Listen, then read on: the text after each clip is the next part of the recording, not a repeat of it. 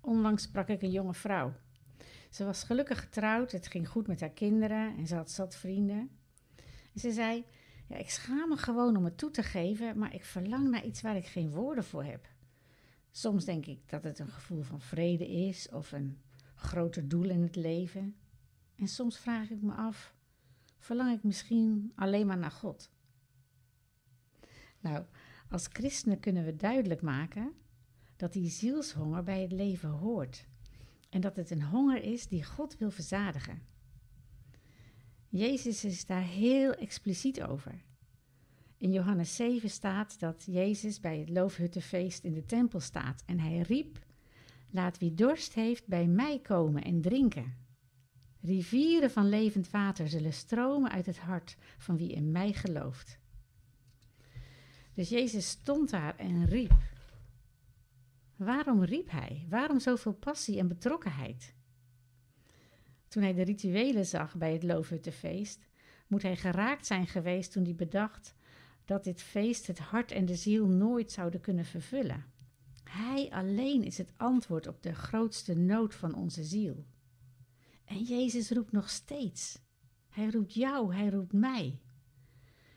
En, en wat een zegen is het dan dat er een innerlijke onrust, een verlangen bij ons ontstaat. als de dingen van de aarde ons zouden kunnen vervullen, dan zouden we God nooit zoeken. En er is iets van deze aarde in ons allemaal. Aarde lijkt de dieren en vogels te vervullen. Ze eten en ze doen waar ze voor bedoeld zijn en lijken tevreden. Maar zo werkt het bij de mens niet. De Israëlieten deden er 40 jaar over om er iets van te begrijpen dat ze meer dan aarde waren. Mozes zegt dat zo mooi in Deuteronomium. U hebt zijn macht leren kennen, de macht van God.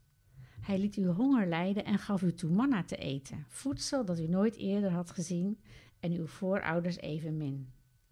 Zo maakte hij u duidelijk dat een mens niet leeft van brood alleen, maar van alles wat de mond van de Heer voortbrengt. En dat is wat Jezus hier aanhaalt. Hij kwam, ons, kwam om ons eraan te herinneren dat we niet van brood alleen kunnen leven, maar dat we de Heer nodig hebben. En Heer, zo kunnen wij u niet genoeg danken dat wij niet kunnen leven van brood alleen. We danken u dat u ons het levende water geeft door de Heilige Geest. En dat u ons uw manna, uw brood geeft voor elke dag, genoeg om verbonden te zijn met u, om onze ziel en onze geest en ons lichaam te voeden.